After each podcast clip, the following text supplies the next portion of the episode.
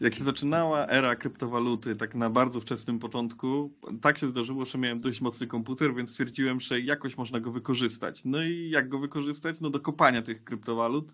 No, no gorzej, że to były takie no, dość moje młode lata, nie zwracałem na to uwagi, stwierdziłem, że to się nie, do niczego może nie przydać i porzuciłem kopanie razem z portfelem, mm, do którego nie mam teraz dostępu, nie wiem ile tam jest i co to jest, więc to zostaje zawsze w takiej strefie marzeń i nieraz próbowałem tego to znaleźć, ale nie wychodziło. No i tak zostaje. A u was jak chłopaki, czy mieliście jakąś podobną przygodę? No na pewno nie aż tak tragiczną jak twoja, e, gdzie coś ukopałeś za, za mało lata i być może dzisiaj byłbyś w totalnie innym miejscu na tej planecie, e, gdybyś ten urobek zachował. Natomiast wydaje mi się, że wśród ludzi technicznych zwłaszcza, takich w miarę jeszcze młodych, 20 parę, 30 lat obecnie, to gdzieś prawie każdy miał ten punkt styku dość wcześnie z krypto, że albo właśnie dla frajdy sobie kopał, e, albo słyszał od kolegów i mógł kupić tanio, no ale jakby tego nie, nie zrobił. Ja jestem w tym drugim obozie, e, gdzie w 13 roku w mojej ówczesnej pracy NetGuru e, Kuba Filipowski e, wspominał rano do przychodzić, przychodzić do biura chłopaki, zobaczcie cenę tego bitcoina, no i tak patrzyliśmy, 100 dolarów, 200, 300. No i w tych 300 sobie myślimy, kurde, trzeba było kupić, jak Kuba mówił, gdy było 100. ale teraz już jest za późno, nie? więc nie kupowaliśmy.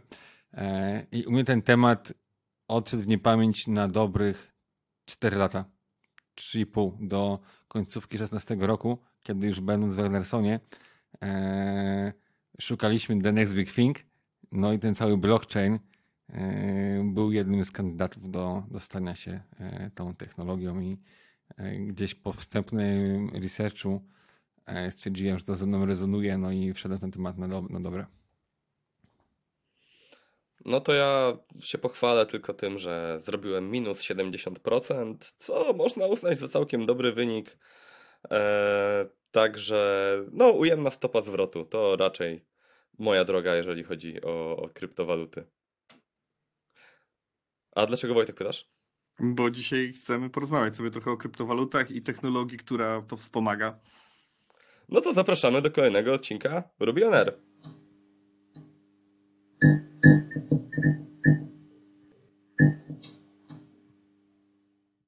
Naszym dzisiejszym gościem jest Piotr Misiurek, ex Ragnar, aktualnie redaktor naczelny, można tak powiedzieć, zrozumieć bitcoina.pl, założyciel zrozumieć bitcoina.pl. Siemanko, witam serdecznie. Yy, redaktor naczelny trochę może nie, no bo tu sugerowałem, że jest jakaś redakcja oprócz mnie jeszcze. Yy, no powiedzmy, że autor z bitcoina.pl, czy też kanału Piotr Misiurek na YouTubie. Tak, znany szpec od kryptowalut, więc dzisiaj będziemy w odcinku właśnie ten temat eksplorować. E, mieliśmy już tutaj krótką rozmowę na temat naszych przygód, e, a praktycznie to wpadek związanych z kryptowalutami. Ale zacznijmy trochę od jeszcze technicznej strony. Czy mógłbyś nam, Piotrek, opowiedzieć, bo wiemy, że masz background programistyczny, czy Ruby i czy generalnie programowanie jakoś ci pomaga w twojej przygodzie z kryptowalutami? E, programowanie jako takie, e, tak, no bo jakby e, blockchain jest protokołem informatycznym, dobrze nam to powiedzieć, jest bazą danych, pełną strukturą danych, produkującą transakcje. No i duża rzecz dzieje się w smart kontraktach, czyli w programach komputerowych, więc jeżeli rozumiesz, co się dzieje pod spodem, znasz jakby limitacje języka, na tym musisz być super ekspertem, no to rozumiesz jakby co jest możliwe dzięki technologii, a co po prostu jest jakąś bzdurą w white paperze, która się nigdy nie wydarzy, bo po prostu jest niewykonalna e, technicznie, więc ta techniczna znajomość jak najbardziej pomaga.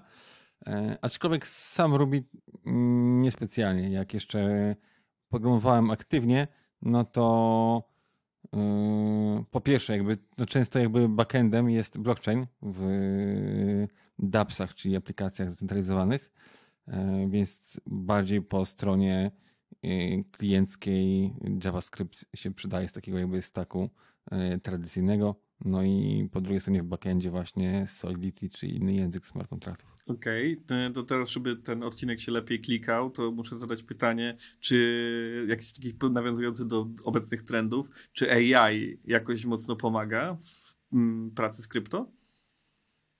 E, czy AI mocno pomaga w pracy z krypto?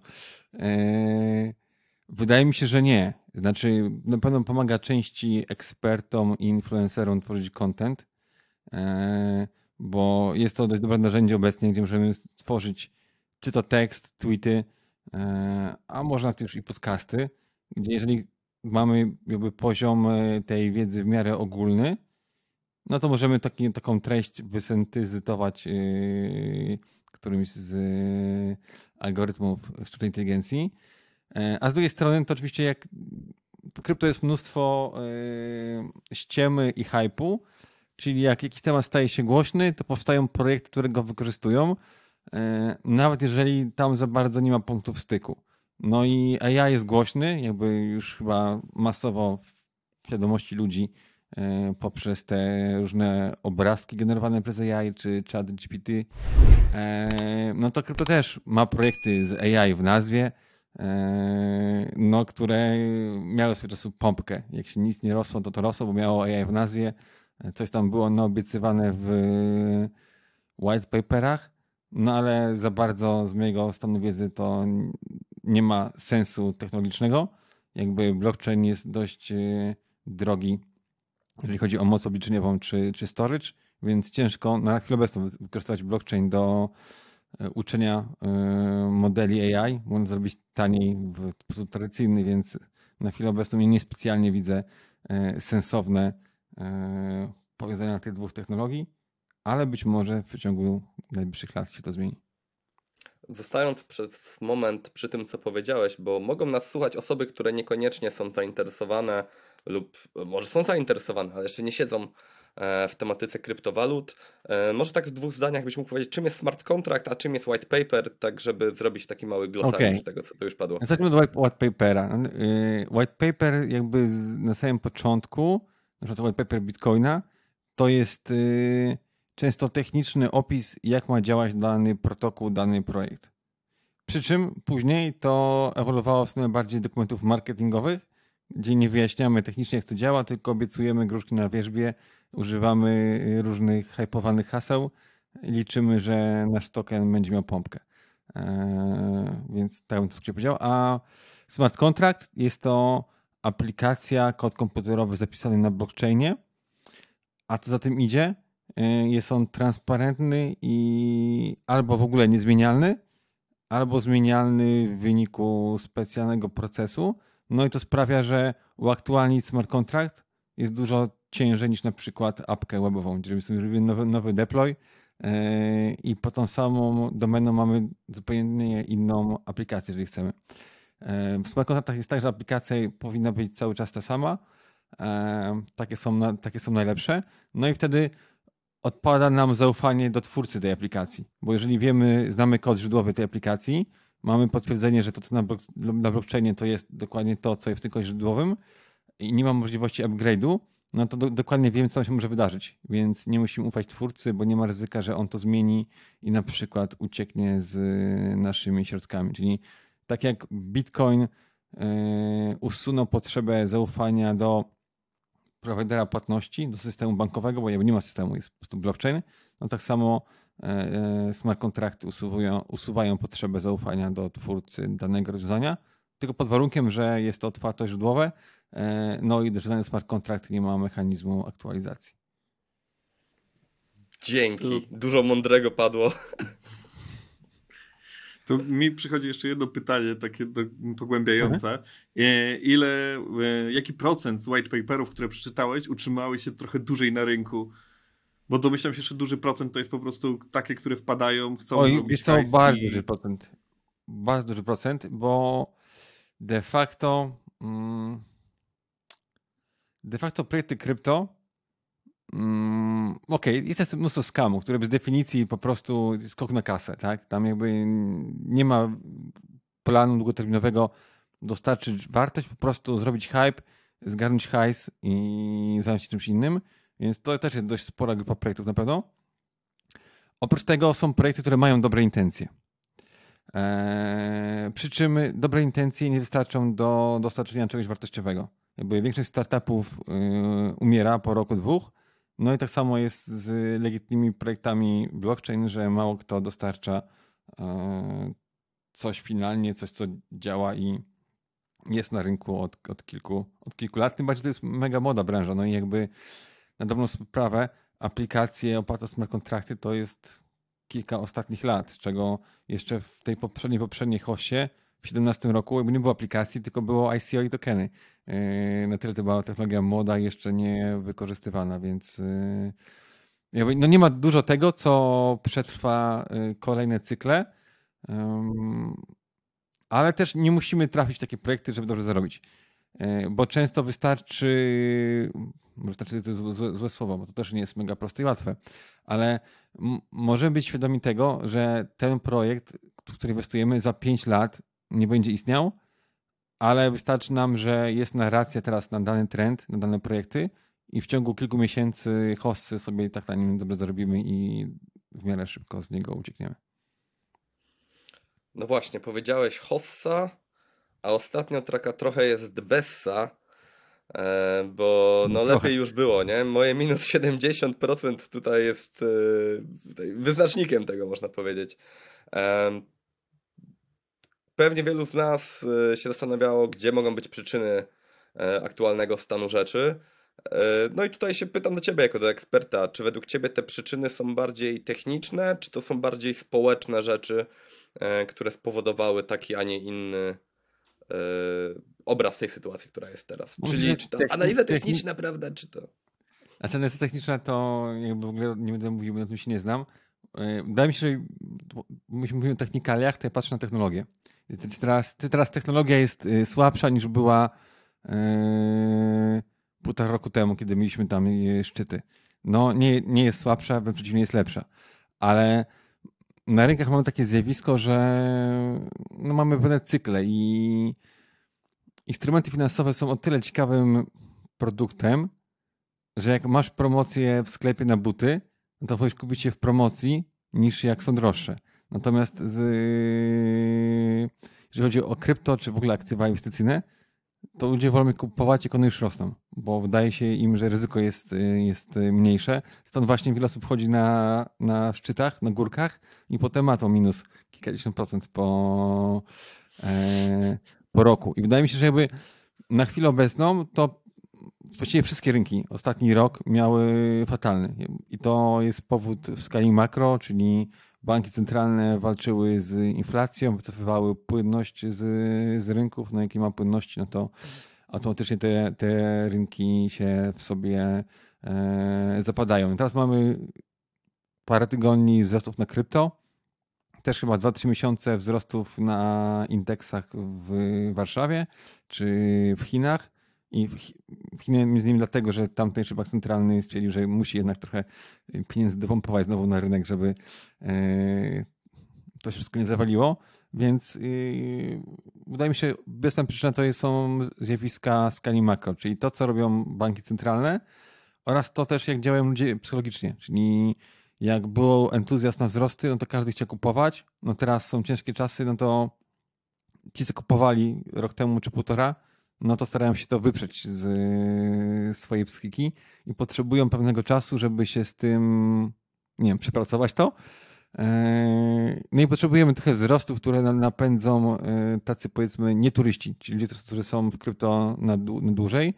I jak oni będą w stanie tą kulę znowu trochę śnieżną zwiększyć, no to znowu media o tym powiedzą i te osoby, które kupowały na poprzednich górkach, nakręcą kolejną. A czy może taka sytuacja, która właśnie jest, nie wpłynie nawet wręcz pozytywnie na krypto, bo przez to, że mm, jest ten, ludzie myślą, że teraz jest właśnie ta Bessa, to mniej robią właśnie takich mm, jakichś skamowych ICO i tak o, dalej, tak. więc trochę się rynek oczyści z tego? No, y, na pewno, na pewno się oczyści, e, tylko długoterminowo, no to to jakby... Mm to może też nie do końca. Na pewno takich projektów teraz jest mniej, aczkolwiek one te też są, bo też są tacy zawodnicy na rynku, których ta wartość długoterminowa nie interesuje, tylko szukają jakiegoś coina, który ma małą kapitalizację, yy, gdzie jest potencjał na jakąś narrację, być może bezsensowną, ale przynajmniej na tydzień, dwa się napędzić wzrost i wyjść z razy 10 po tygodniu czy dwóch. Yy, I takie rzeczy dalej też się dzieją. Przy czym wydaje mi się, że każda osoba, która jest na rynku teraz, kuma, że to tak działa yy, i jest tego świadoma. No ale tak, mimo wszystko ktoś to będzie kupował na tej górce. Ale wydaje mi się, że, że to jest w miarę mm, świadome dla uczestników rynku, że nie, ma, że nie ma tych projektów adresowanych do mainstreamu, takich skamowskich, które pewnie powstaną, yy, jak będzie kolejna fala wzrostowa. I to jest teraz plus dla tych, którzy nie obrazili się na rynek krypto, yy, swoje straty zaakceptowali i stwierdzili, że teraz będą dokupywać rzeczy pod ewentualny kolejny cykl wzrostowy. No bo teraz jakby już y, sporo projektów, które jeszcze rok temu obiecywały w chuj rzeczy, no to teraz już część z nich nie istnieje, albo udaje, że istnieje, ale jakby nic tam się nie dzieje, więc wie, że już tego nie kupować. Więc yy, to pole projektów, z których możesz wybierać jest dużo mniejsze. Yy, jest dużo szansa, że te projekty będą coś sobą reprezentować za yy, jakiś dłuższy, dłuższy czas. Wspomniałeś o akceptacji strat. Jak tak sięgam pamięcią, to moje życie głównie składa się z akceptacji strat. Eee, ale mam takie pytanie do No. ciebie. Czy pamiętasz może jakieś takie najbardziej skamerski shit, jaki, jaki widziałeś? Albo taki, gdzie najbardziej się dziwiłeś, że ludzie w to, w to weszli? Yy, to najbardziej żałuję, że nie wszedłem w Shiba Inu jakieś dwa lata temu, może dwa i pół czy trzy, yy, bo tam była taka narracja, to będzie kolejny Dodge.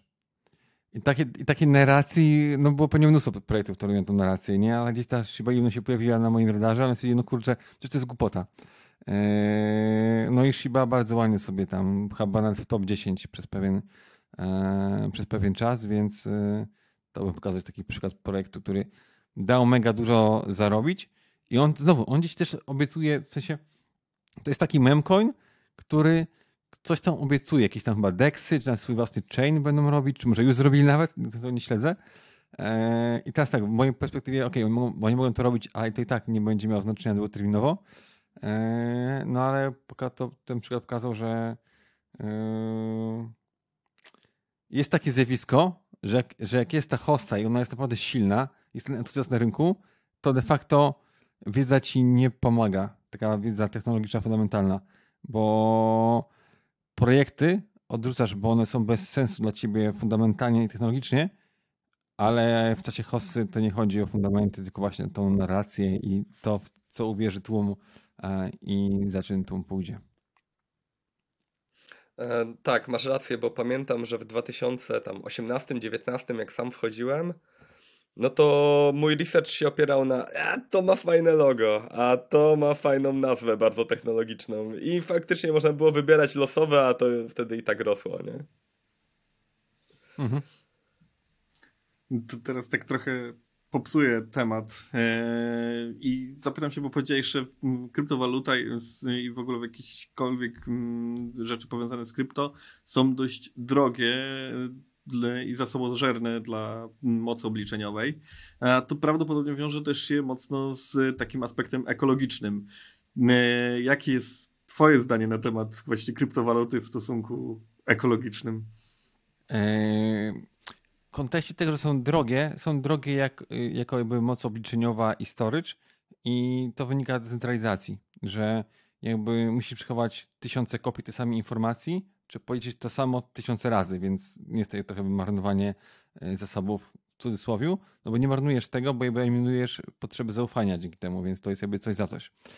A jest dość mocna narracja, e, nie wiem, proekologiczna, antykryptowalutowa, która moim zdaniem totalnie jakby nie ma, nie ma sensu yy, z kilku powodów. I na dobrą sprawę to nie wiem, czy jakby obecnie problem jest głównie w konsensusie mm, Proof of Work. Yy, to jest konsensus Bitcoina do września tego roku też Ethereum, druga największa kryptowaluta, też miała ten konsensus, ale zmieniła go na inny i jakby zmieniła go głównie z powodów technologicznych, bo technologicznie był potrzebny im do robienia pewnych rzeczy, ale też wpisuje się w tą narrację powiedzmy ekologiczną. I teraz ta narracja nie, nie ma do końca sensu, no bo jakby patrzy tylko na koszty prądu, a nie patrzy co dostajemy w zamian. A dostajemy pieniądz czy system finansowy, który jest totalnie niezależny od kogokolwiek. E, I przykład ostatniego roku, gdzie najpierw chyba w styczniu mieliśmy protesty trackerów w Kanadzie, gdzie rząd właściwie bez sądu blokował ludziom konta za jakby wspieranie finansowe tego projektu, e, a potem w ogóle wojna na Ukrainie i sankcje na Rosję i Rosjan. I te dwa zjawiska pokazały, że jakby twój pieniądz na zachodzie nie jest twój. W każdej chwili może przyjść wielki brat i powiedzieć, nie podoba mi się to, co robisz. I teraz odchodzimy od jakby oceniania moralnego, e, czy to jest sukces, czy nie. Ale jest ktoś, jakiś wielki brat, któremu się może to nie spodobać i twój pieniądz nagle, twój asset nie jest twój. E, więc ja zauważyłem, że sporo ludzi z różnych branż, którzy już mają trochę pieniędzy zarobionych, stwierdziło, że może jednak część tych oszczędności na czarną godzinę schować na ten blockchain. Czy to właśnie w Bitcoinie, czy w stablecoinach. Więc płacąc za tą energię, masz pewną gwarancję wolności i nienaruszalności twojego majątku. Myślę, że to jest dość, e, dość ważne. I masz też de facto wolność wypowiedzi, takiej ekonomicznej, bo krypto nie ocenia tego, co robisz na blockchainie. Możesz zrobić transakcję do każdego za cokolwiek chcesz. I jak płacisz kartą, to tak naprawdę bank i emitent tej karty oceniają za co, płacisz. I pewne branże są wycinane, mimo że są legalne, to jakby nie podobają się yy, korporacjom czy rządom i mają podgórkę. No jakby w krypto każdy jest traktowany tak samo. Więc to jest ta wartość, za którą płacimy. I teraz, jeżeli mówimy o kosztach ekologicznych, no to w kontekście Bitcoina, bo on jest na razie głównym, największym, powiedzmy tym konsumentem energii, jeżeli chodzi o krypto na chwilę obecną, e, no to jest też narracja osób krypto, że na chwilę obecną Bitcoin staje się, jak mówię, nie wiem, pozytywny węglowo, w sensie, że dzięki Bitcoinowi i jego kopaniu de facto e, ten carbon credit jest y, pozytywny. W tym sensie, że ok, my spalamy pewną energię, ale między innymi y, sporo bitcoinów teraz kopie się na platformach wiertniczych, gdzie do tej pory po prostu był spalany metan i po prostu jako odpad z mhm. wydobywania.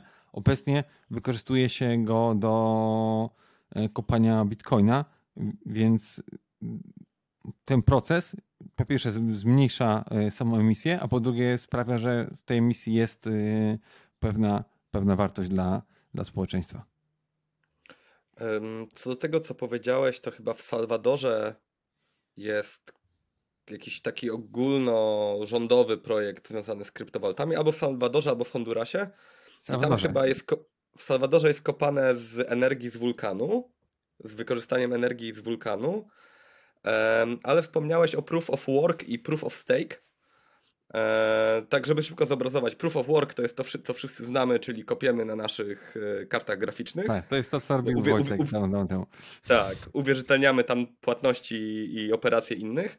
Proof of Stake polega na tym, że składujemy nasze kryptowaluty e, razem z innymi i na podstawie jakby naszego zbioru uwierzytelniamy te wszystkie operacje, które, które się dzieją. Poprawiaj mnie, jeżeli mówię coś zbyt prosto lub zbyt głupio. Mówi się najbardziej y, tak, jak jest. Ja może też użyć pewnej metafory, bo mówi się o tym, że na przykład dolar y, jest taki mocny, bo ma lotniskowce amerykańskie, które go popierają. No to jakby proof of work to jest moc obliczeniowa, która popiera y, bitcoina. Jakby to jest protokół, który ma pewne reguły i zasady. No i ta moc obliczeniowa stoi na straży tego, żeby było trudniej te zasady złamać, czy to, są historie, więc y, żeby zaatakować Bitcoina, musisz mieć dużą moc obliczeniową, żeby policzyć te jakby Pokonać kopaczy. szybciej niż, niż cała sieć. E, a Proof of Stake tymi czołgami y, jest kapitał, czyli po prostu stakujesz kryptowaluty, umieszczasz je w zastawie dokonujesz yy, tych legitnych operacji na rzecz protokołu i dostajesz w zamian nagrodę, a jak dokonujesz czegoś niewłaściwego, próbujesz oszukać, to zabieramy ci albo całość, albo tych część krypto, które zastajkowałeś. Więc y, premiujemy y, to, co jest pozytywne i pożądane, a każemy zachowania negatywne. A co z takimi kryptowalutami jak na przykład Solana, która jest kopana za pomocą dysków twardych, dysków SSD? Y, To chyba nie, to chyba nie Solana.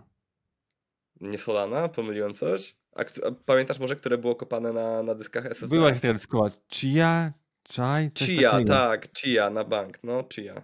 I powiem tak, E, totalnie nie, wiem- nie wiem, czy to ma sens. Yy, Nie wchodziłem za głęboko w ten temat. yy, Nie wiem. Okej. Eee, W takim razie ten temat zostawmy, a jeszcze mam takie pytanie, Wojtek. Czy ty pamiętasz, czy ty kopałeś na karcie graficznej, czy na procku? Eee, To chyba jeszcze były czasy Procka mm, i na Procku kopałem wtedy. To chyba Monero było takie, nie? Najpopularniejsze do kopania na procku. To możliwe, że ci dałem hinta, co to było. No już na, nawet nie próbuję w to wchodzić, bo już tyle czasu Wojtek straciłem, że tego nie było, to się nie wydarzyło. E, Piotrek, to jeszcze tak kończąc, e, i trochę może zmierzając do końca. Mhm. em, Być może kilka osób, kilkanaście osób będzie zainteresowanych, żeby wejść w tematykę krypto. Jakie rady mógłbyś udzielić początkującym inwestorom kryptowalutowym? No to w pierwszej kolejności trzeba zrozumieć, jakie są wartości wynikające z krypto. Yy, Czyli to, że mamy system finansowy, który jest odporny na kontrolę i manipulację rządów, korporacji i banków. Tam, gdzie twoje środki są naprawdę twoje i nikt nie jest w stanie ci ich ocenzurować czy zamrozić. I to jest, jak trzeba to zrozumieć, bo jak to się zrozum- zrozumie, to się ma dużo większą pewność, że to ma sens i ma swoje use case'y i te wahania cenowe, te spadki, te BESE jest łatwiej przeżyć, bo jeżeli ta wartość rezonuje z tobą, no to wiesz, że po prostu ludzie, ludzie wolą mieć pewność co do swoich środków, to są ich środki. Eee, I więc zrozumienie tych fundamentów moim zdaniem jest mega, mega, mega ważne. No i też super ważna jest psychologia, żeby. Ja na stacie chyba bym nikomu w ogóle nie mówił o tym, że kupuję krypto.